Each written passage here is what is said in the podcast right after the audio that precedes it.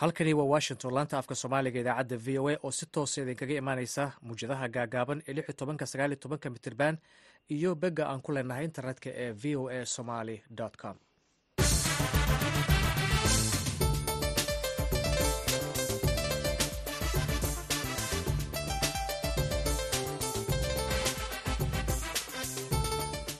subax wanaagsan dhegaystayaal waa aroornimo axada labaatanka aroornimo isniina irahdee labaatanka bisha janawari ee sanadka labada kun afar labaatanka idaacadda saaka iyo caalamka waxaa idiin daadihinaya anigoo ah maxamed colaan xasan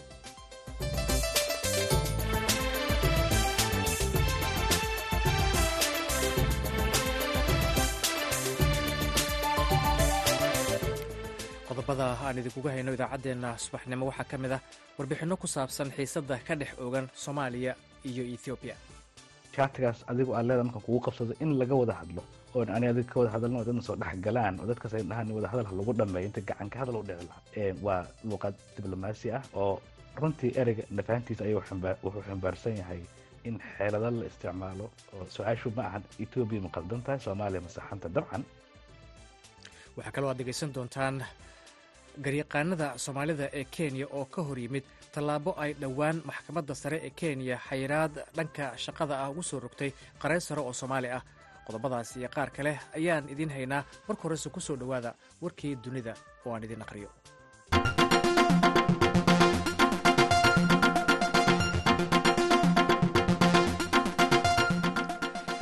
laba askari oo ka tirsan ciidamada badda ee sida gaarka u tababaran ee maraykanka oo lagu la'aa gacanka cadmeed bishan ayaa la waayey raq iyo ruux taasoo keentay in loo diiwaangeliyo dhimasho. Sida ay qortay wakaaladda wararka ee routers hadalkan ayaa laga soo xigtay saraakiil ka tirsan ciidamada maraykanka axaddii shalay. Sida uu ku qoray boggiisa baraha bulshada ee x ee horey loo oran jiray twitter taliska dhexe ee ciidamada maraykanka. Askartan ayaa lagu waayey howlgal ay ka fulinayeen meel ku dhow xeebaha soomaaliya ko iyo tobankii bishan kadib markii ay fuuleen markab laga lahaa dalka iiraan. Waxaanu u baroor diiqaynaa askarteennii sida gaarka ah u tababarnayd. Waxaana weligeen sharfi doonnaa nafuurnimadooda iyo tusaalaha ay noo jeexeen. Ducadeenna ayaa la jirta ehelka saaxiibadii iyo ciidamada badda ee ay ka baxeen sidaasina waxaa bartiisa ex ku qoray madaxa taliska dhexe ee ciidamada maraykanka general michael erik kuril. Maraykanka ayaa gacanka cadmeed ka fuliyey duqeymo isxigxigay oo uu ku beegsaday xuutiyiinta taasoo uu kaga jawaabay weeraro ay kooxdan iiraan ay taageerto ku hayeen maraakiibta isaga kala goosha badda cas. Daraasiyin qof ayaa lagu dilay kuwo kale oo badanna waa lagu dhaawacay oo ay ku jireen laba carruur ah weerar lagu qaaday suuq mashquul badan oo ku yaalla duleedka magaalada uu ruushku maamulo ee doneski ee bariga ukrain hadalkan waxaa axaddii shalay sheegay maamulka uu ruushku magacaabay gobolkaasi. Dowladda ruushka ayaa weerarkan ku eedeysay ukrain iyadoo sheegtay in saraakiisha ruushku ay soo wariyeen in ugu yaraan toddoba iyo labaatan qof ay ku dhinteen shan iyo labaatan kalena lagu dhaawacay xukuumadda kiyef ee ukrain ayaan weli ka hadal weerarkan wakaaladda wararka ee associated press oo warkan soo qortayna ma aysan xaqiijin sheegashada ruushka. Musharaxii madaxtinimo ee xisbiga jamhuuriga ran desantes oo mar loo arkayey kan keliya ee ka hor mari kara madaxweynihii hore ee maraykanka donald trump ayaa axaddii shalay isaga haray doorashada isreebka xisbiga jamhuuriga taasoo sii adkaynaysa awoodda musharaxnimo ee trump ee xisbiga gudoomiyaha gobolka florida oo shan iyo afartan sano jira ayaa ku taageeray muuqaal video oo uu soo dhigay axaddii shalay boggiisa ex donald trump. Desantes ayaa loo arkayey kan ugu sarreeya musharaxnimada xisbiga jamhuuriga ee doonaya in xisbigoodu u magacaabo musharaxooda madaxweyne sanadkan ka kaasoo qalqalgelin karay donald trump horaantii sannadkii kiina dhowr ra'yi baaris oo lagu sameeyey shacabka maraykanka gaar ahaan kuwa taageera xisbiga. Waxa ay barbar dhac noqdeen donald trump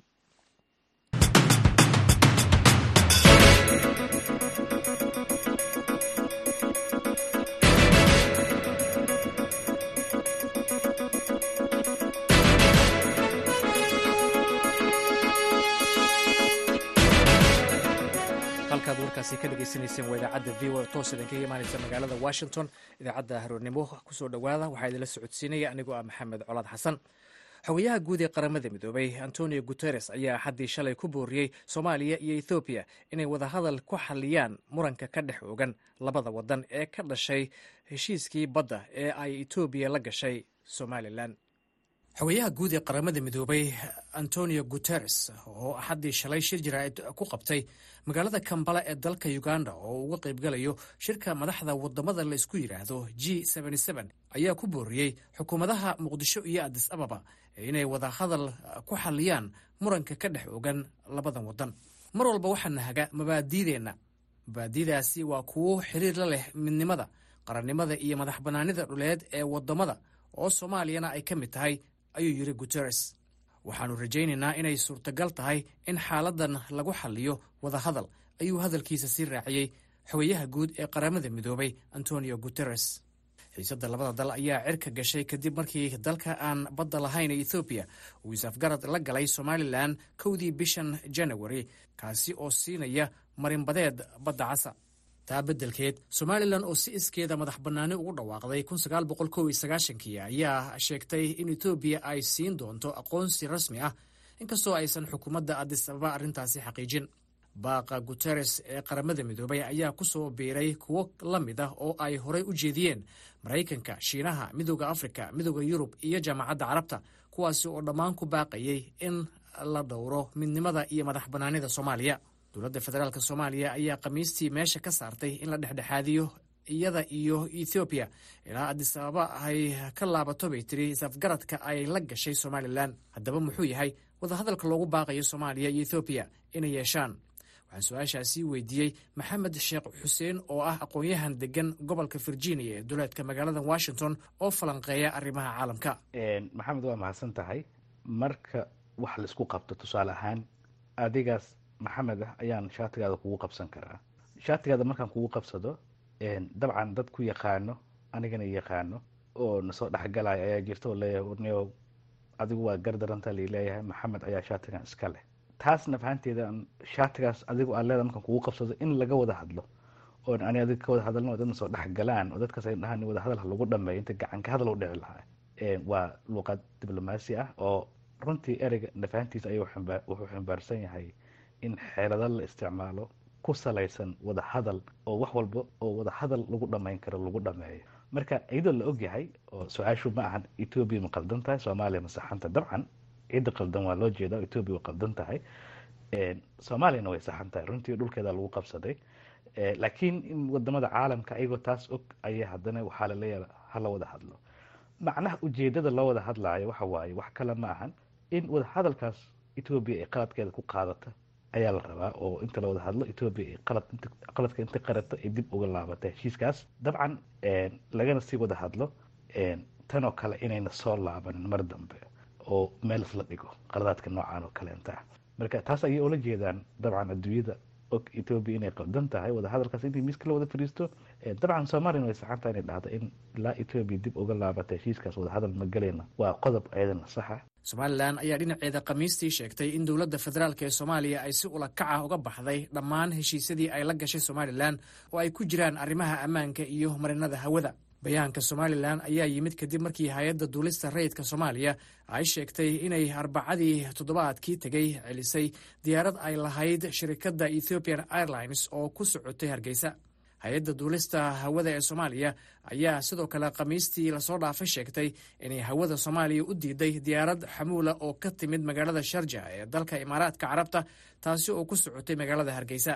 Soomaaliya iyo ethoobiya ayaa leh taariikh ku salaysan xiriir aan wanaagsanayn iyo muranno dhinaca dhulka ah kuwa oo sababay inay isaga hor yimaadaan labadan wadan dagaal dabayaaqadii qarnigii labaatanaad. Dowladda soomaaliya ayaa ku tilmaantay heshiiska ay ethoobiya la gashay somalilan gardarro qaawan oo ay ethoobiya ku soo qaaday soomaaliya. Ethoobiya dhinaceeda waxay ku adkaysatay inaanu jirin sharciyo ay jebisay.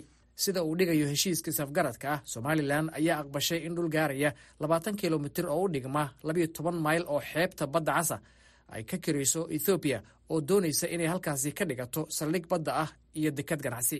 Soomaaliya ayaa si weyn uga soo horjeesatay gooni isutaagga somalilan oo aan haysan aqoonsi caalami ah ethoobiya oo ah waddanka labaad ee ugu dadka badan qaaradda afrika ayaa noqotay waddan badla-aan ah kadib markii eritrea ay ku dhawaaqday xurnimadeeda sannadkii kii kadib soddon sannadood oo ay halgan ugu jirtay. Xukuumadda adis ababa ayaa dekadda casab ee badda cas galaangal u lahayd ilaa iyo labada wadan dagaal tooska toosa ay galeen. Intii u dhexaysay ilaa iyo labadii kun wixii markaa ka dambeeyey waxay etoobiya badeecadaheeda ganacsi iyo alaabooyinka kaleba kala soo degaysay dalka jibuuti. Dhinaca kale madaxweynaha dalka masar cabdulfataax siisi ayaa shalay shir jaraa'id oo ay qaahiro ku wada qabteen dhiggiisa soomaaliya. Xasan sheekh maxamuud waxa uu ka sheegay in masar ay garab taagan tahay soomaaliya oo aysan aqbalayn in qarannimadeeda iyo amnigeeda qalqal la geliyo. Masar ayaa dhinaceeda waxa uu muranka ku salaysan biyaha webiga niil kala dhexeeya ethoobiya laakiin dadka qaar ayaa isweydiinaya maxay ka dhigan tahay taageerada masar ay sheegtay inay siinayso xukuumadda soomaaliya. Wariyaha v o eda cabdulcasiis barrow ayaa warbixin uu arrintaasi ku eegayo muqdisho nooga soo diray. Dowladda soomaaliya ayaa ku jirta dadaallo xooggan oo dhinaca diblomaasiyadda oo ay ku doonayso inay ku cadaadiso ethoobiya si ay dib uga laabato is-afgaradkii ay bilowgii sanadkan la gashay somalilan soomaaliya ayaa ku guulaysatay inay taageero diblomaasi ah ay ka hesho waddamo badan iyo urro caalami ah laakiin jamhuuriyadda carbeed ee masar ayaa noqotay dalkii ugu horreeyey ee sheegay inay garab buuxa siinayaan soomaaliya. Madaxweyne xasan sheekh maxamuud oo booqasho rasmi ah ku tegay magaalada qaahira ayaa kulan la qaatay dhiggiisa dalkaasi cabdifataax al siisi kulanka kadib ayaa shir jaraa'id oo ay qabteen labada madaxweyne waxa uu ku yidhi al siisi ilaalinta amniga qowmiga ah ee carbeed waa mid ka mid ah mabaadi'da lagu dhisay jaamacadda carabta. Masarna waxay garab siinaysaa soomaaliya. Hadalkan ayaa marka loo eego diblomaasiyad ahaan waxay dadka ka faallooda bariga dhexe ee geeska afrika ku tilmaamayaan mid xajmi weyn sida uu qabo cabdikaamil abshir oo ah aqoonyahan falanqeeya xiriirka caalamiga ah. Masaaradu arrintan ka soo galaan. Masaaradu waxaan isla nahay laba dal oo afrikaan ah haddana carbeed haddana maaragtay ka mid ah waddamada dhaca ama kulaala badda cas wadamadaasoo ah soomaaliya iyo masar iyo suudaan iyo eritrea iyo jabuuti marka wadamadaasi waxay ku hareereysan yihiin etoobiyaay ku hareereysan yihiin. Haddana waxaa taa u sii dheer dhammaantood waxaa kala dhexeeya mashaakil salka ku haya biyo salka ku haya. Markii jabuuti kale laga reebo. Soomaaliya iyo iyo masar waxay kala dhacaan laba mandiqado aada iskugu tiirsan. Middle east iyo geeska africa marka masaaridu iyadoo horey ay arrin biyaha webiga nile ay kala dhexeysay etoobiya ayay hadda haddana waxay u arkaan haddii sida etoobiya ay wax u rabto ay wax u dhacaan oo ah inay badda meel ay furin ka helaan. Waxay u arkaan inay halkaasi khatar ay kaga soo wajahantaho dal cadow ku ah halkaasi inuu iridda labaad badda inuu u fariisan karo. Kanaal suweys ayay fadhiyaan. Marka sidaasoo ay tahay iyadoo marka xiriirka soomaaliya iyo masar horeba uu wanaagsanaa meel fiican uu joogay ayaa arrintan kaloo tactiga ah la yiraahdo cadowaagu cadowgiisa waa saaxiibka ayaa ku soo korortay. Marka madaxweynaha masar cici wuxuu diray fariin hajamaad ah ayuu etoobiya u diray waana hadalkii ugu adkaa ee diblomaasi oo ay tiraahdo dowlad saddexaad ayna ka tiraahdo laba dowladood oo ishaya dhinaca kale dadka qaar ayaa ku fasiraya hadalka dowladda masar inay fursad ka dhex aragto khilaafka u dhexeeya etoobiya iyo soomaaliya maadaama masar uu horey etoobiya ugala dhexeeya muran salka ku hayay biyaha webiga nail sida uu ku doodayo cumar yuusuf cabdulle oo ah aqoonyahan cilmiga siyaasadda bartay kulanka labada madaxweyne dhexmaray waxaa lagu fasiri karaa inuu dib u soo noqday xiriirkii soo jireenka ahaa ee labada dal ka dhexeeyey soomaaliya waxay uga dhigan tahay inay heshay quwad awood ciidan iyo saameyn diblomaasiyadeed gobolka ku leh si ay u dheeli tirto siyaasadda etoobiya gobolka ku wajahan masaaridu waxay uga dhigan tahay inay heshay wadan darisla etoobiya si ay cadaadis u saarto maadaama labada dal ay isku hayaan dhismaha biyo-xireenka webiga niil oo dowladda etoobiya ay dhammaystirtay iyadoo masaarida arrinta ay ka soo horjeesteen. Sidoo kale waxaa lagu macnayn karaa caalamiyeenta xiriirka etoobiya ee soomaaliya ka dhex taagan maalmihii u dambeeyey iyo guud ahaan xaaladda badda cas oo waxaa la dhihi karaa xiisada labada dhinac keliya kuma ekaan doonto. Soomaaliya etoobiya waxaa hadda u dhexeeya khilaaf xooggan iyadoo weli aysan muuqan xal diblomaasi ah oo labada dhinac lagu kala dab qaadayo. Cabdilcasiis barrow v o a muqdisho. Waxay soomaaliya agtas u helaysaa oo ay u furmaysaa inay wax ka iibiso waxna ka iibsato saddex boqol iyo konton milyan population gaaraya. Bulshada bariga africa waxay u dhisan tahay afar marxaladood. Haddii aan ku mitaalno marxaladahaasayto sidii guri daar ah oo la dhisaayo marxaladda koowaad waa aasaaska daarta. Waxa waaye waxa la yidhaahdo midowga customiska ama customs union. Marka haddii ay yurub ku qaadato afartan iyo laba sano inay ka gudubto customs union oo ay gaarto heer political union ay samaysan karto maxay kula tahay inay ku qaadanayso bariga africa aniga waxay la tahay afartan sano maku gaarayno heer aan ku noqono bariga africa ku noqoto hal bulsho oo hal siyaasad leh. Midda labaad oo aniga ila tahay inaysan baa ahayn wax laga walwala hadda in bulshada bariga africa ay qaadato xornimadeen ay qaadato.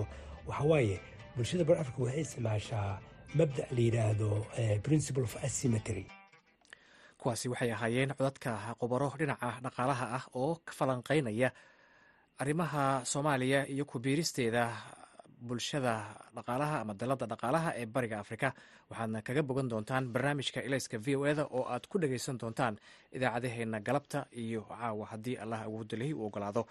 Haatanna magaalada laascaano magaalada laascaano ee xarunta gobolka sool ayaa toddobaadkan waxaa laga daafuray mashruuc lagu kaydinayo xogta ardayda kaasoo ay horey dowladda federaalk ee soomaaliya uga hirgelisay maamul goboleedyada.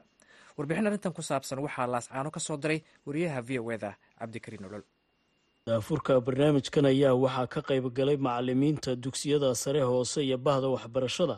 Sidoo kale mas'uuliyiinta dowladda federaalka ee dhanka waxbarashada u qaabilsan barnaamijka xog uruurinta iyo kaydinta ardayga soomaaliyeed. Hogaamiyaha maamulka esi khaatuma ayaa ku dheeraaday muhiimadda ay leedahay in deegaanada esi khaatuma markii ugu horreysay xog uruurintina ay soo gaadha sidoo kalena sahli doonto in ardayga iyo macalimiinta deegaanada esi khaatumo si diiwaan gashan looga heli karo xogtooda. Barnaamijkani wuxuu sahlayaa in ardaydeennu ay helaan imtixaanada heer federaal ee ay wasaaraddu qaadayso. Ilaa iyo iminka wasaaradda waxbarashadu hal imtixaanoo shahaadiya bay qaadaa waana imtixaanka fasalka afraad ee dugsiyada sare lagaga qalin jebinayo ma jiri doono arday fadhiisanaya imtixaankaas oo aan ka diiwaan gashanayn barnaamijkan ma jiri doono arday heli doona shahaadadii waxbarashada ee wasaaraddu ay bixinaysay oo aan ka diiwaan gashanayn barnaamijkan. Si haddaba loo helo xuquuqdaas asaasiga ah ee ardaygu wax u soo baranay labaiyo tobanka sannadood haddaynu u sii diiwaan gelinaynaa oo aynu ku daraynaa inuu yahay ardayda qaranka soomaaliyeed ee xaqa berri ule inay helaan shahaadadoodii dugsiga sare islamar ahaantaana ay sii wataan waxbarashadoodii heer jaamacadeed waa barnaamijkan hadda aynu dah furayno barnaamijka guud ahaan lagala soconayo heerka iyo hannaanka waxbarashada degaankeenna sidoo kale hogaamiyaha maamulka esi khaatumo ayaa sheegay in heerarka kala duwan ee waxbarashada ay halkan ay kala socon doonaan esi khaatumo oo la jirka dowladda federaalka ee wasaaradda waxbarashada. Yaa kala soconaya waxaa kala soconaya wasaaraddii waxbarashada heer federaal waxaa kala soconaysa wasaaraddii waxbarashada ee heer maamul goboleed. Waxaa kala soconaya aniga ruuxayga haddii ilahay ka dhiga insha allahu tacaala. Waxaan ku bogaadinayaa khubarada tan iyo howlwadannada inooga yimi wasaaradda waxbarashada ee federaalka soomaaliya. Iyagoo oo hirgelinaya barnaamijka aan ka sheekeeyey ahamiyaddiisa waa ku bogaadinaynaa.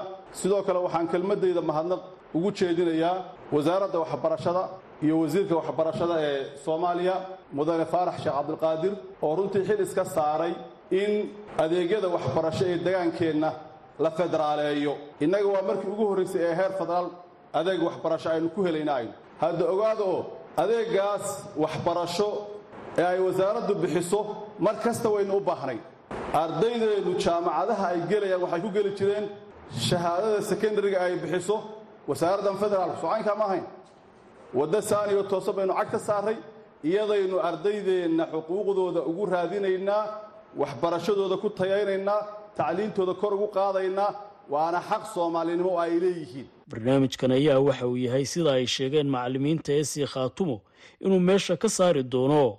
Dhibaatooyinkii ardayda qaarkood lagu qabay kuwaasoo heerarka waxbarashada fasalada ay dhiganayaan iyo goobaha beddelkooda ay ahayd mid aada u adag. Cabdikariin nolol v o a magaalada laascanood aad buu maasaya wariyaha iyaga cabdikariin olol warbixintaasi laascaana nooga soo diray. Dhinaca kale sanduuqa horumarinta degmada faafi oo ka tirsan maamulka gaarisa ee gobolka soomaalida ee waqooyiga bari kenya ayaa boqolaal arday oo dugsiga sare ku biiraysa sanadkan ka bixinaya lacagaha waxbarashada iyo dhammaan adeegyada aasaasiga u ah waxbarashada afarta sane ee soo socota. Wariyaha v o eda maxamed faarax shire ayaa warkan ka soo diray deegaanka naanigi oo ka tirsan degmada faafi mashruucan lacag la'aantae ardada dugsiyada sare ay ku galayaan loona iibinaya agabyada kala duwan ee waxbarashada ayaa waxa uu noqonayaa mid dhiiri gelinaya tiradii ugu faraha badneed ee ardaya ee haatan ku sii qulqulaysa degmada faafi. Mudanaha laga soo doorta degmada faafi mudane saalax yacquub ayaa sanduuqiisa horumarinta deegaanka faafi waxa uu sheegay in si waafiya ardada guud ahaan countiga ardada guud ahaan degmada faafi ka soo jeeda dugsiyada sare sanadkani ku xaroonaya ay dhammaantood noqonayaan afarta sane soo socotay mid lacagaha loogu talagalay dugsiyada sare ay ka bixiyaan. Waxaa jirta requirement waxa looga baahan yahay cunuga inuu soo gato qalab ha noqoto buug ha noqoto sanduuq meeshu seexan lahaa saxanka wax ku cun lahaa kabihii laboratorygii dictionarygii geometry set ha noqdo. Alaabtaas oo dhan baa ku qoran meesha. Qalabka asaga waa sidii qof aroos doonanay. Waalidka aada ugu rafaadsan waxaa laga halka waalidkii saddex cunug inay u soo baxaan sanadkaas saddex cunug saddex iskuul uu kala geynayo halka cunug waxaa ku baxaysaa konton kun. Ku dhawaad lacag oo la kenya ku baxaysaa ku baxaysaa waa shan boqol ilaa afar boqol oo doolar weeyaan. Marka ma keenayaan waalidka gaarisa sabool bay u badan yihiin. Dadku waxay haystaan faafi khaasatan waa meel bacdeed iska weyn marka waxaan ku qasbana saddexdaba haddaa faafi kala geyso waxma bixinays gacanta qabo geewayaan yacquub ayaa waxa uu sheegay in arrinkani uu noqonayo mid dhiiri geliyo in tiradii ugu faraha badneed arday ee dugsiyada haatani ku soo biiraan iyadoo walaaca ugu faraha badneed dadka gobolka haysta ay ahayd in waxbarashadu ay ka hooseeyaan gobollada kale dalka tanina waxa uu sheegay inay nooc dhiirigelin ay tahay. Lacagta competition la yiraahdo oo dowladda sare ka yiraahdo oo lagu bixiyo ardada madaxdeeda lagu bixiyo amsa cunuga ku dhiganaysaa faafi aad ay ugu hoysay iskuul dhan baa arkaysaa saddex bilood loo soo diraa boqol iyo konton kun. Laakiin hadda waxaan filaynaa maadaama arday ay badatay ilaa shan boqol ilaa lix boqol inuu heermasta u soo dhacdo yaan filaynaa. Iskuullada qaar ee down kenya iskuulla wax u soo dhacda waxaa jirtaa shan milyan toddoba milyan saddex bilood u soo dhacayso. Heerkaa inaan gaarno lacagta ay helaan oo c d f tataa qaraameeda u yaraado yaan filaynaa qaar ka mid ardada mashruucan ay ku guulaysto laanta afka soomaaliga v o eda la hadlay ayaa waxay sheegeen inay soo dhoweynayaan wax badanna ay ka bedeli karto. Natiijada waxbarashadeeda dambe isku soo celceliyo dhaqaalaha wasaaradda waxbarashadu ay geliso dugsiyada sare iyo hooseba waxaa lagu jaangooyaa tirada ardayda dugsiyada dhigto. Maxamed faarax shire v o a deegaanka naanigi degmada faafi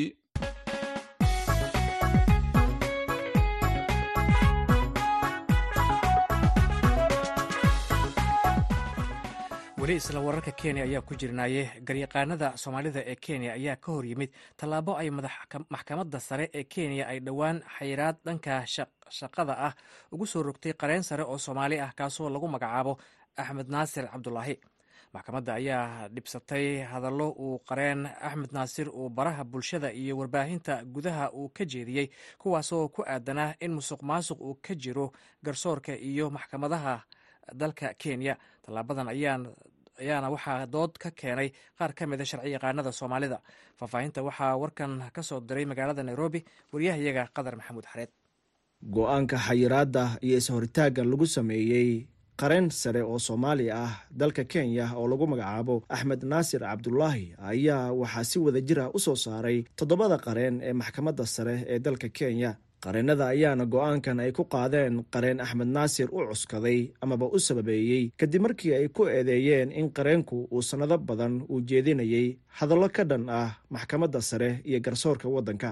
Qareen axmed naasir cabdulaahi ayaana qoraal uu ku baahiyey baraha bulshada iyo warbaahinta waddanka waxa uu si adag uu uga hor yimid go'aanka maxkamadda iyo eedeynta loo jeediyey. Hase yeeshee tilaabadan ayaa dood adag oo dhanka sharciga ah ka dhex dhalisay qareennada iyo hay'adaha garsoorka ee kenya. Qareennada waddanka ayaa inta badan ka hor yimid tilaabada maxkamadda sare ay ku qaaday qareen axmed naasir cabdulaahi qareennadaasi waxaa ka mid ah qareennada soomaalida kenya kuwaasoo go'aanka maxkamadda sare ee kenya ku tilmaamay mid dastuurka dalka baalmarsan garyaqaan cabdirasaaq maxamed waxa uu ka mid yahay garyaqaanada soomaalida ah ee sida dhow oola shaqeeya hay'adaha garsoorka iyo cadaaladda ee dalka kenya. Sidoo kalena ka mid ahaa garyaqaanada soomaalida ee kenya ee go'aanka maxkamadda sare ee kenya ee ka dhanka ah qareen axmed naasir cabdulaahi sida adag uga hor yimid. Waxa weeyaan arintaas ay maxkamadda ay soo sameeyeen arrin soconaysa ma aha maxkamadda sare ee supreme court-ka gacanyarihiisa ayaa waraaq soo qoray. Waraaqdaas ma aha amar maxkamadda ka soo baxay. Waraaqda kuma saleysno dacwo la geystay kuma saleysno marka wax ka jira ma laha waa wax dadweynaha lagu qaldaayo. Go'aan maxkamad ay gaarta ma aha. Waayo adiga ma noqon kartid ninka dacwoonayo teeda labaadna haddana go'aanka gaarayo marka maxkamadda sare ee supreme court-ka hadday dacwo axmed naasir cabdulaahi ka qabto inay dacweyso ay dhahaan dacwadaasaan ku soo oogeynaa oo go'aan laga gaaro maxkamad kale oo madax banaan ay ka gaarteen. Arrintii maynan sameynin looyarinta waxay leeyihiin meel loogaa dacwoodo oo maarata wixii qalad ay sameeyeen loogaa dacwoodo. Taasina may sameynin marka shaqa ka joojin oo axmed naasir shaqo laga joojiyey ma jirto. Awooddaasna ma lahan. Maxkamadaanadu ma imaan karaan bay dheheen marka wadanka maxkamado badan buu leeyahay. Waa maxkamadda courtka high courtka la yiraahdo court of appeal iyo supreme courtka supreme courtka qudhiisa waa un toddoba xaakim baa joogtaa. Marka toddobada maxkamadaanada ma imaan kartid waayo laakiin wadanka dhan ma aha. Maxkamadooyinka kullina ma aha. Maxkamadda sare ee kenya keliya xayiraadan kuma aysan soo rogin. Qareen axmed naasir ee sidoo kale waxa ay xayiraadu ay ku soo rogtay shaqaalaha ka shaqeeya xafiisyada dhanka sharciga ee shirkadda qareen axmed naasir cabdulaahi ee dhammaan waddanka kenya. Arrintan ayaa imaaneysa xilli dalka kenya ay toddobaadyadii la soo dhaafay ay ka taagnayd dood adag oo ku aadan in musuq maasuq uu ka dhex jiro hay'adaha garsoorka iyo maxkamadaha waddanka islamarkaana aanan lagu kalsoonaan karin dadkii hadalladaasi jeediyey waxaa ka mid ahaa madaxweynaha kenya william ruuto oo sheegay inuu dagaal adag uu la geli doono musuq maasuq uu sheegay inuu ka dhex jiro xafiisyada maxkamadaha iyo hanaanka cadaaladda ee waddanka. Khadar maxamuud xareed v o a nairobi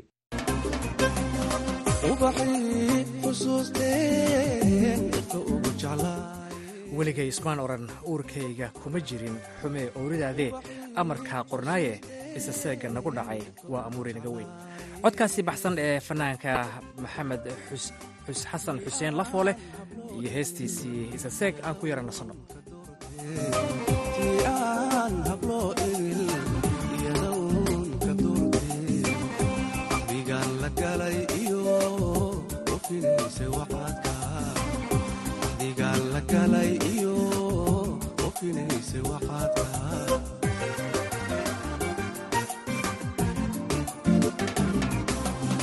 ubaxii xusuusteen inta ugu jeclaayey ubaxii xusuusteen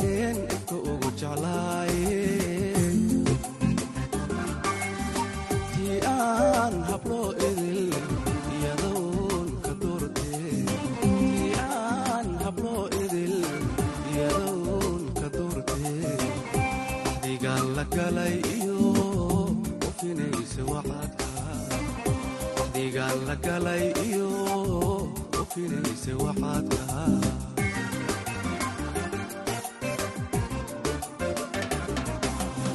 weligay ismaan odhan urkaygana kumay jirin. Ume ooridaade amarkaa qoraaye isa seeka nagu dhaxay amurinaga weyne isa seeka nagu dhaxay amurinaga weyne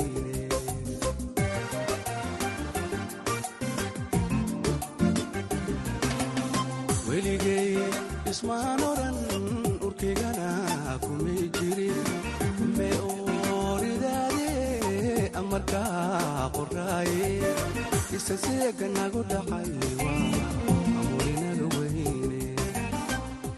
inkastoo dabiyo odhol aqalkeena lagu shiday inkastoo dhexdeedii uu buur adagi ku xiran tahay misna anigu sidii baan kuugu uurfiyoobahay. Codkaasi la foolay iyo eryadaasina waxaan ku soo gebagabaynaynaa idaacaddeenii saakay iyo caalamka oo aan idinla socodsiinayay. Anigoo ah maxamed colaad xasan dhanka farsamada waxaa gacan hagar la'aaneed iga siiyey saaxiibkay nuur bukhaari inta aan dib dambe hawada ugu kulmayno waxaan idinkaga tegaynaa sidaa iyo ammaan allah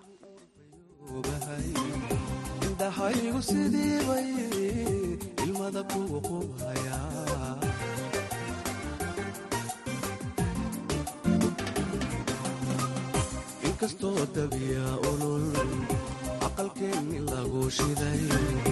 Inkastoo dhexdeeni uradagi ku xidhan tahay. Misna anigu sidii baan ugu uurfayoobahay